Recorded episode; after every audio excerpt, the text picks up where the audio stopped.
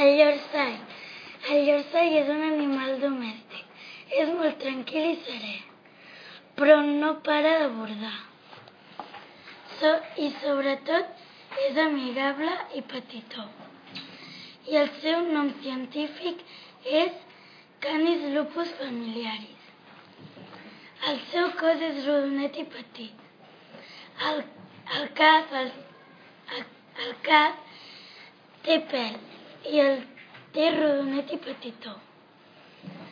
Els ulls són grans i foscos i la boca llarga i petita, amb el nas damunt. Menja pinso, cant, herba, etc. I viu normalment a cases perquè és un animal domèstic. Es reprodueix per la panxa, per tant és mamífer. Li agrada passejar i córrer. I per acabar és un gos petit i maco, tranquil i que no fa mal a ningú. Ah, i això sí, crida molt.